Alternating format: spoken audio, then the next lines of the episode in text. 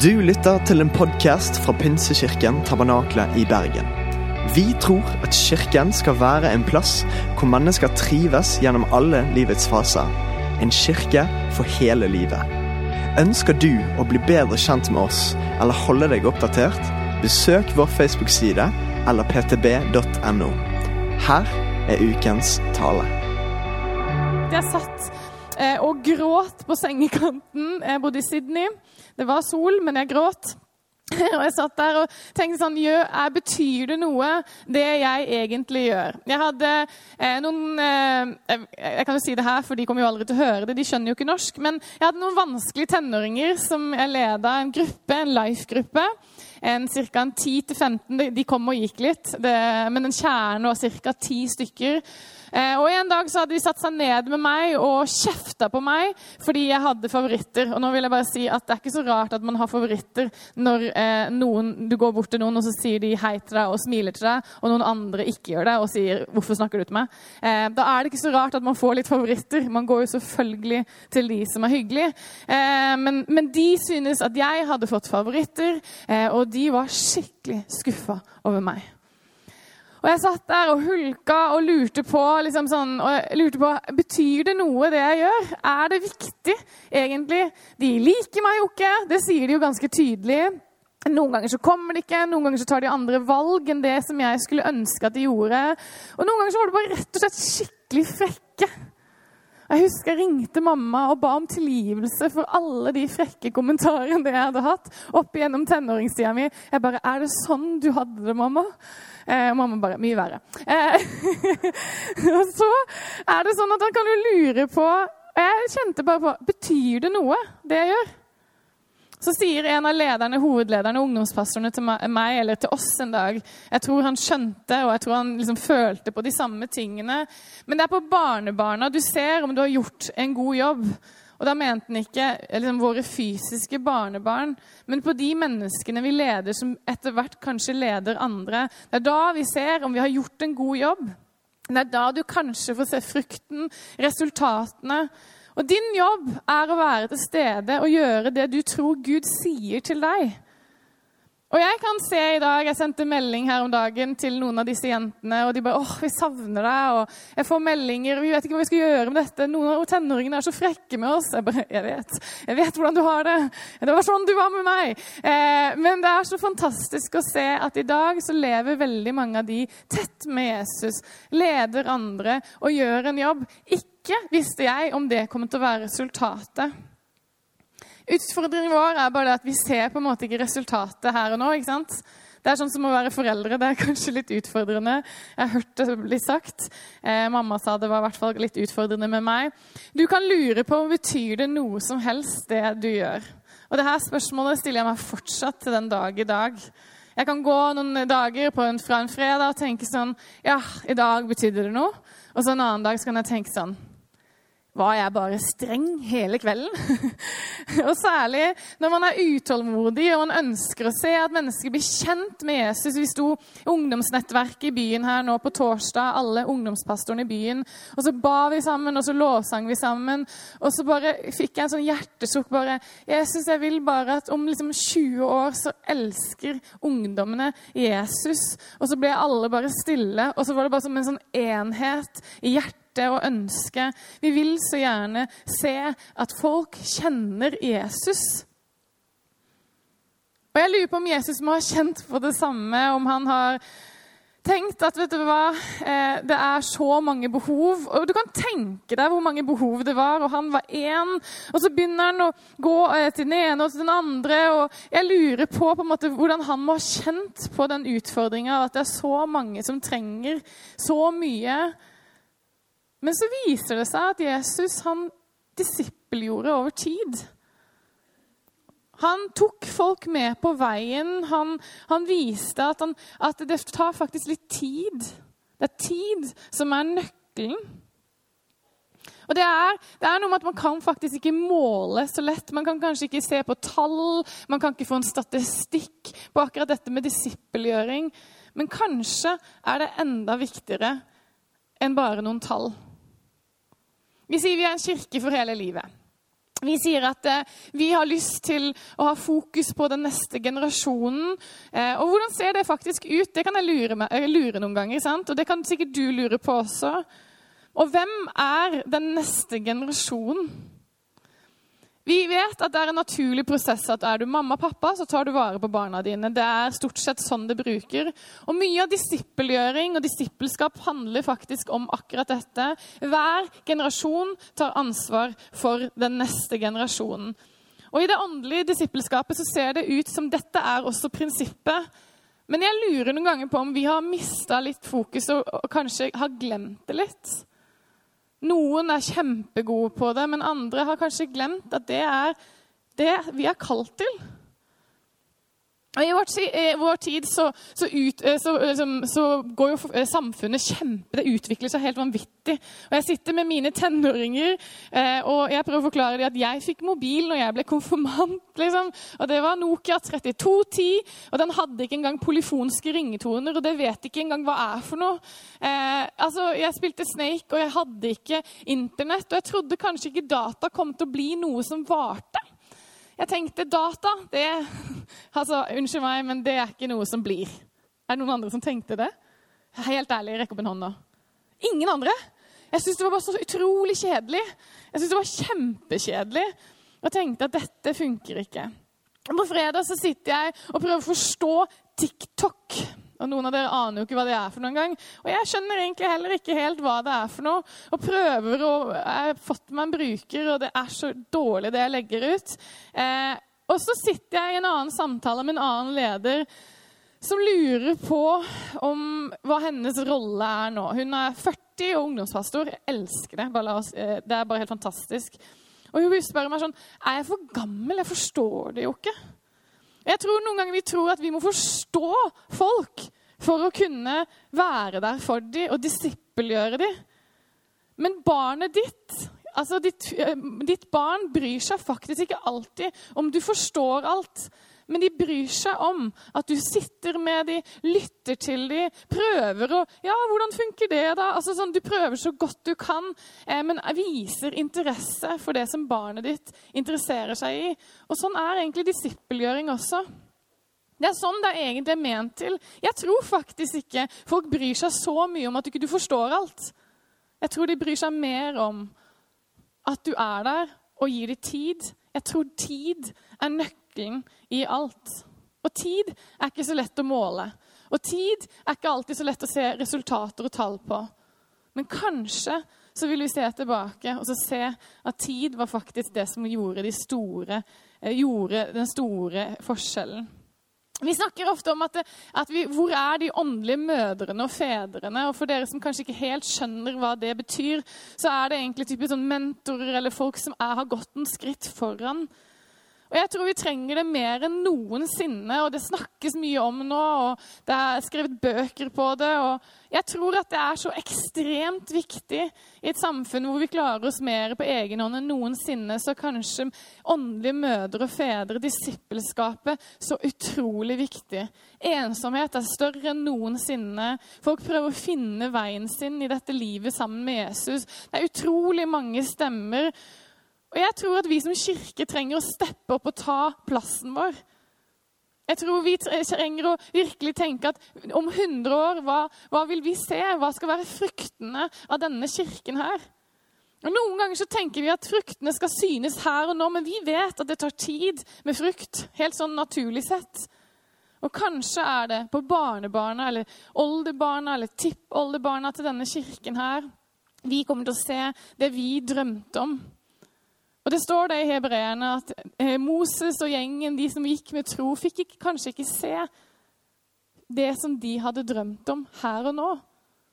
Men vi vet at i det store bildet, i Guds rike, i Guds plan, så får vi se det som han har planlagt. For det Gud har planlagt, det vil skje. Vi bygger Guds rike på jord. Og kanskje skal vi være mindre opptatt av den synlige suksessen og mer opptatt av lydigheten til Jesus. Det siste Jesus sier, er 'gjør disipler'. Det må bety noe. Ofte så sier man de viktigste tingene sist. sant? Men Jesus sier 'gjør disipler'. Og Det er ikke bare folk som kjenner Jesus, som vi skal disippelgjøre, men det er begge deler. Det er både mennesker som kjenner Jesus, og mennesker som ikke kjenner Jesus. Og du som har levd her en stund Det betyr egentlig alle oss, for vi har alle levd en stund. For du har akkurat kommet inn den døra her. Så du har levd en stund. Eh, du vet faktisk dette. Du har noe å bidra med. Det er ganske mange Jeg sitter og jobber noe med noe til led nå. Og det er ganske mange som gir uttrykk i den, den studiet jeg leser, som gir uttrykk på at de ønsker å ha noen å gå tur med. Noen å, å dele troen med, noen å stille spørsmålene til, noen å bli lytta til, altså noen som lytter til deg. Det er ganske mange som føler på en ensomhet, som ikke alltid vet veien, som ønsker noen å drikke kaffe med, spise mat med, leve hverdagen med. Og det, er, det viser seg at dette er så enkelt. Men på en måte så vanskelig, fordi vi glemmer at kanskje er det enkle det beste noen ganger. Det å gå sammen med mennesker. Jesus viser oss egentlig ganske tydelig hva det vil si å disippelgjøre. Fordi at Jesus han, han oppsøker folk. Han finner dem. Så tenker du men jeg har ikke noen. Jo, du kan finne noen i dette rommet. Eller kom på gudstjenesten klokken 19 i kveld. Da finner du masse folk som gjerne ville hatt deg i livet. Han oppsøkte dem, han gikk mye med dem. Underviste de underveis. og jeg tror Mange ganger så tror vi at vi må komme med en sånn tale mens vi, eh, liksom hver gang vi møtes. Så må det være skikkelig viktig. Alt du sier må være kjempeviktig. Eh, men det må du faktisk ikke. Det kan faktisk bare være at du deler kaffe, og så snakker du litt om det som Jesus har snakka med deg om. Eller kanskje du bare lytter til den personen. Og over tid så vil man se vil man se det som er sannheten om ditt liv, at du vil leve med Jesus. Og det vil folk plukke opp på. Så kanskje ikke alt skal løses over fem minutter, én time. Men kanskje over de neste åra så kan du få lov til å bety en forskjell. Det er litt irriterende for noen som vil ha raske resultater. Men disippelskap handler ikke om raskere resultater. Og det viser Jesus ganske tydelig. For tre måneder tar det å gå på langs gjennom Israel. Og det er ganske mye som ikke er by eller fullt av mennesker der også. Så når Jesus går fra by til by til by, hva skjer da? Jo, han spiser, han eh, fisker, de driver og de, de bader, de sover, de spiser, de lager bål, de finner ved. Og underveis så tar Jesus de med på veien og disippelgjør de. Ikke bare de der, det vi kaller de åndelige tingene, men vi er hele mennesker. Ånd, sjel og kropp. Så når du tar med noen og spiser middag, så er det åndelig. Når du tar dem med på en tur, eller du skal male en vegg, så er det åndelig. For vi er sammen med mennesker, og vi går sammen. Og det viser seg at det gjorde ganske susen for veldig mange av disiplene. Det, andre, det tredje Jesus gjorde, at han viste dem masse nåde. Og her tror jeg vi kanskje har litt å gå på, i hvert fall jeg. Eh, man kan bli litt frustrert når folk velger å ta andre valg enn det man selv ville at de skulle tatt. sant? Eh, og da har man litt lyst til å si sånn Du hørte ikke på meg. Da får du gå den veien, og så går jeg den veien her. Det var jo ikke det Jesus gjorde. Interessant er det at Jesus velger å ta med Judas på veien til tross fordi at han vet at han kommer til å ta et valg som er stikk imot det han egentlig burde. Har du tenkt på det? Han vasker til og med føttene til Judas. Det er drøyt. Jeg har så mye å lære av det. Og Det siste Jesus gjør, er at han sender de ut.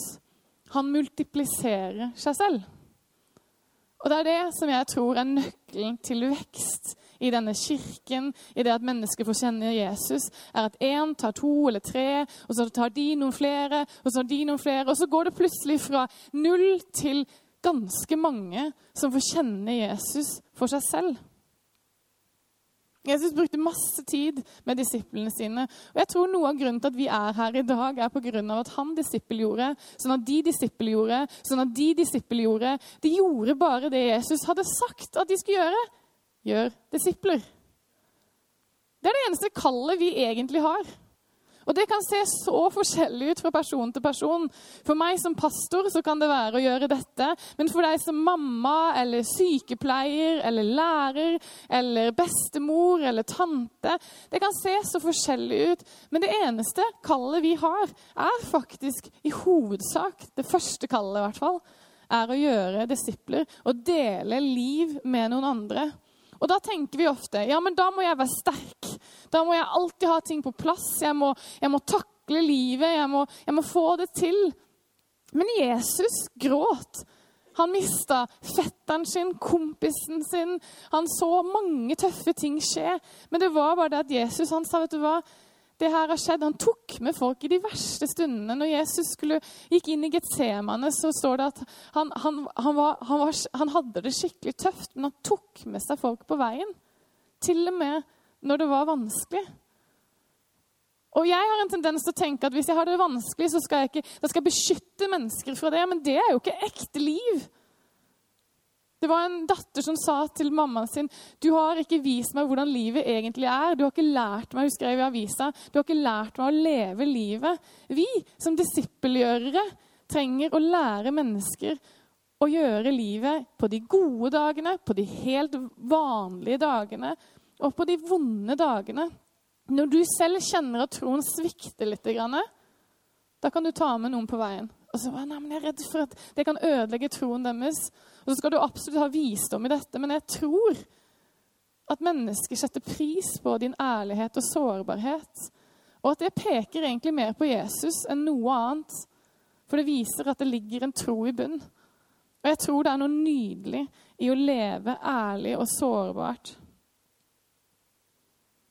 Det er en gjeng i Bibelen som viser oss egentlig eh, hvordan gjøre dette her. Og det er ganske sånn tydelig, fordi at Jesus disippelgjør, og så disippelgjør de andre mennesker. Og Barnabas er en av disse disiplene, apostlene, som tar med seg Paulus og Johannes Markus, som vi leser om, og sikkert ganske mange andre flere, på veien. Og Paulus tar med seg eh, Timoteus og Silas. Og så ser vi at i dag så kan det hende at vi, masse av grunnen til at vi sitter her i dag, er at noen har tatt med seg noen på veien. Vi ser viktigheten av disippelgjøring i at vi sitter her i dag. Troen deles på den måten. Og Det er faktisk fascinerende å se på Barnabas lydighet, for jeg tror lydighet er en nøkkel i disippelgjøring. At det førte til mye mer enn det han kanskje hadde trodd. Han skjønte kanskje ikke konsekvensen av det valget han tok ved å ta med seg Paulus på veien. Jeg tror ikke han skjønte helt at det ville bety at vi hadde mye av Det nye testamentet. Men Barnabas var en sånn oppmuntringens mann. Han var en sånn, han kalles en opp oppmuntrer. Altså, han er en som, som I Lukas snakker om han som en skikkelig god mann med integritet. Han blir sett på som en helt, altså en virkelig troshelt. Han er, har integritet og karakter og er en god mann eh, og er villig. Og det er kanskje det som er nøkkelen. Han var villig. Og det tror jeg kanskje er nøkkelen for oss også. Vi er villige til å oppsøke mennesker. Og det var det som skjedde. At Barnabas oppsøker Paulus. Saulus, den dagen det, det han var, ble kalt før. Og velger å gå god for Paulus. Og Paulus ville jeg kanskje, personlig kanskje ikke gått god for, fordi, fordi han var en terrorist. Han hadde drept de mennesker, han hadde vært med å drepe mennesker. Han hadde vært med å, å forfølge mennesker som, som, Barnabas var glad i. Så når Barnabas går til Paulus, så er det modig. Det er faktisk lydighet liksom, til kjernen det er lydighet å gå til denne mannen som han tenkte vet du hva, denne mannen står, har stått for noe av det som jeg er imot. Men så kjenner Barnabas på at hvis Jesus sier det, så skal jeg gjøre det. Og her igjen lydighet er vår suksess. Ikke tall, ikke noe skal måles i, i liksom statistikker og grafer, men lydighet. Jeg gjør det som jeg har fått beskjed om at jeg skal gjøre. Og så tar Barnabas han med på veien. De går sammen, de spiser sammen, de ler sammen. Jeg tror det var mye moro. Sørg for at du har det mye gøy med de du disipler gjør med. Sørg for å le mye. Gjør noe gøy. Finn på noe. Vi er mennesker. Jesus lo. Vi kan le. Det er helt naturlig. Ha det gøy. Spis masse god mat. Barnabas tar med seg Paulus, for det er så mange som blir kristne at han tenker sånn Jeg må få hjelp. Jeg tar med meg, tar med meg Paulus, for jeg, jeg, tror Gud har kalt han til noe spesielt. Og så tar han han med på veien. Og vi ser at Barnabas disippelgjør Paulus. Han tar han med på en reise, både den fysiske reisen av å gå sammen med Barnabas, lære Jeg tror Barnabas lærte Paulus ganske mye. Og så tok han ham med på den åndelige reisa. Og den tenker jeg, den, den kan, være litt, eh, kan, være litt, vanskelig noen ganger. Fordi at eh, Barnabas ber jo mens Paulus er der, mest sannsynlig. Han studerer mens Paulus er der. De var ganske mye sammen. Og Noen ganger kan vi bli veldig private i vår tro. Men kan jeg utfordre deg til at troen er ikke privat? Den er personlig, men den er ikke privat. Og det som Jeg husker jeg har sagt det flere ganger, at jeg vokste opp med en pappa som satt og leste Bibelen og gikk rundt og ba i tunger i huset. Og det er det tryggeste jeg kan det er sånn, Jeg husker at pappa er med Jesus. Det var så godt. Og noen andre bare 'Å, var ikke det skummelt?' Jeg bare sånn, Nei. Pappa fyrte i peisen, han leste Bibelen, snakka med Jesus, og så kom han og hang med oss. Det var ikke sånn at, det var bare en naturlig del av det. Og jeg fikk se en pappa som disippelgjorde meg, både i det liksom, snakke til meg-disippelgjøringa, men også i måten å være på. Det er skikkelig Det er det, er det som er disippelgjøring. Barnebas oppsøker. Og jeg tror for oss kan det, bety, kan det være det at du må faktisk finne noen å disippelgjøre. Hvis du ikke er helt sikker på hvem du disippelgjør, så ville jeg tatt meg en tur hjem, kanskje gå en tur ute. Spør Jesus hvem er de menneskene som jeg skal ta med meg i, i min, min, reise. Vi har alle noen å ta med. Kanskje vet du ikke hvem det er, men det kan hende at det finnes noen som lengter etter en sånn som deg. Som trenger bare en som lytter, som ikke har alle svara. Hvis du har alle svara, så kan det godt hende at det blir litt slitsomt. Det kan hende at det å lytte og stille noen gode spørsmål kan også være en fantastisk måte å disippelgjøre. Og ikke bare komme med svaret om hva Jesus sier, men kanskje si hva tror du Jesus sier? Når de sier ja, men hva, hva er det her, kan du si sånn ja, hva, tror du Jesus, hva opplever du at Jesus sier til deg? Det er disippelgjøring. Og så skjer det menneskelig at Barnabas og Paulus blir litt uenige. Det må vi bare være ærlige på, at Bibelen er full av mennesker. Eh, og det er en utrolig interessant historie i seg selv. Eh, så de deler seg. Eh, men det betyr ikke at de er uvenner for alltid, og det er veldig, veldig flott. Og Paulus legger ut på sin andre misjonsreise, og hva skjer da? Jo, han tar med seg Timoteus. Og Silas, for den saks skyld. Men jeg skal legge fokus på Timoteus. Og her fortsetter det, da. ikke sant? For det er Barnebas, og så Timoteus. Og så er ikke alt perfekt, men det virker som det ligger helt naturlig at de tar med seg en på veien. Og Timoteus er 35 år, eller han er 15 år yngre enn en Paulus. Mest sannsynlig rundt 30-35 år. Eh, når han får det, eh, det, verset som vi skal komme tilbake til, som er et vers som vi kjenner veldig godt til eh, i 1. Timoteus 4, 12-16. Jeg skal komme tilbake til det. Men Timoteus han er en fyr som har en gresk far og en jødisk mor og mormor. Og mest sannsynlig litt forvirra i troa. Fordi faren har mange guder, mammaen har bare én gud. Eh, og har nok opplevd at det er litt forvirrende. Og så blir han, For han møter Jesus, så blir på en måte ting litt mer satt på plass. Han skjønner hva det handler om. Og så tar Paulus han med på en reise og der ser vi at de går sammen, de deler livet sammen. Og etter hvert så blir Timoteus igjen i Efesus, og så bygger han kirke der. Og det er der vi leser de der, de der kjente ordene som, står, som står. La ingen forakte deg fordi du er ung, men vær et forbilde for de troende i ord og livsførsel, i kjærlighet, tro og renhet. Ta deg særlig av skriftlesningen, formaningen og undervisningen helt til jeg kommer. Forsøm ikke den nådegaven du har, den du fikk på grunnlag av profetiske ord da Eldsterådet la sine hender på deg. Legg vekt på dette, lev i det, så alle kan se at du gjør fremskritt. fremskritt. Gi akt på deg selv og på læren. Fortsett med det. For gjør du det, skal du, både, skal du, frelse både deg selv og dem som hører. Hva er det som egentlig skjer her? Paulus fortsetter å disippelgjøre Timoteus i de breva.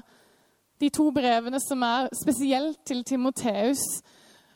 Han er en kirke hvor det er ganske utfordrende. Han er 35 år mest sannsynlig på den tida og er en ung fyr med mange som har gått foran han. Og, og Paulus sier, 'Husk på hvem du er. Husk på hvem du følger.' Husk på, han oppmuntrer, han utfordrer, han korrigerer eller formaner. Og det er det det er å disippelgjøre. Å minne på sannheten. Hjelpe å finne veien. Paulus gjør det på en nydelig måte. Og akkurat sånn var det Jesus gjorde. Og akkurat sånn er det egentlig vi er ment til å gjøre. Og ikke bare sånne Pauluser eller eh, Barnabasser som, som, gjør greier som er sånn vi kaller superkristne. La oss bare huske på at de bomma ganske mange ganger. Så det betyr ikke at vi kan liksom gå ut av Nei, men det, det, handler om alle de andre. Ja, men det handler om Benjamin. Benjamin kan ta og disippelgjøre. Jeg tror jeg bare gjør noe annet. Nei, det gjelder alle. Det er ikke noen spesielt kristne folk. Alle kan ta med noen på veien. Og jeg tror at Hvis vi skal få se denne kirka vokse de neste 100 årene, så må vi kanskje steppe litt opp og ta vårt ansvar og disippelgjøre den neste generasjonen. Og hva betyr det? Jo, det betyr generasjonen som kommer etter deg. Ok, For en 80-åring så betyr det kanskje at du må finne en 70-åring. Og for en 70-åring så betyr det kanskje at du må finne en 60-åring. Det må ikke være akkurat 60-åring, men du skjønner poenget. Vi tenker at den neste generasjonen er barna, og ja, det er det. Men det er også den generasjonen som kommer etter deg. Og det er ikke på en måte, unnskyld, mitt ansvar å ta vare på 80-åringen. altså På en måte er det det, for jeg er pastor. Men det er egentlig du som er 90, som skal ta ansvar for 80-åringene. Du er ikke ferdig, du. Du kan drikke kaffe. Du kan sitte på en stol. Du har noe å bidra med. Og det bare kan det frustrere meg at vi tenker at det handler om å gjøre synlige ting, men det er de usynlige tingene som virkelig gjør susen. Og jeg tror det er de usynlige tingene som gjør at vi ser kirka være det den er i dag. Det er de de skritta, det er de kaffekoppene, det er de middagene, det er de, de, når du maler veggen og du tar med deg en, og så snakker dere litt om tro og tvil og om 71 grader nord og noe annet. Jeg vet ikke hva dere snakker om. Men uansett hva det er for noe, så tar du med noen på veien. Jeg tror vi kan være sånne mennesker, for alle ønsker å bli sett. Alle trenger å bli sett. Alle trenger et sted hvor de kan stille noen spørsmål. Alle trenger å gå sammen med noen. Og du har litt mer visdom, litt mer kunnskap. Og så kan det hende du har noe å lære av de som er under deg.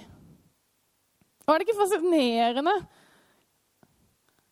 Er det ikke fascinerende at Paulus korrigerer Peter?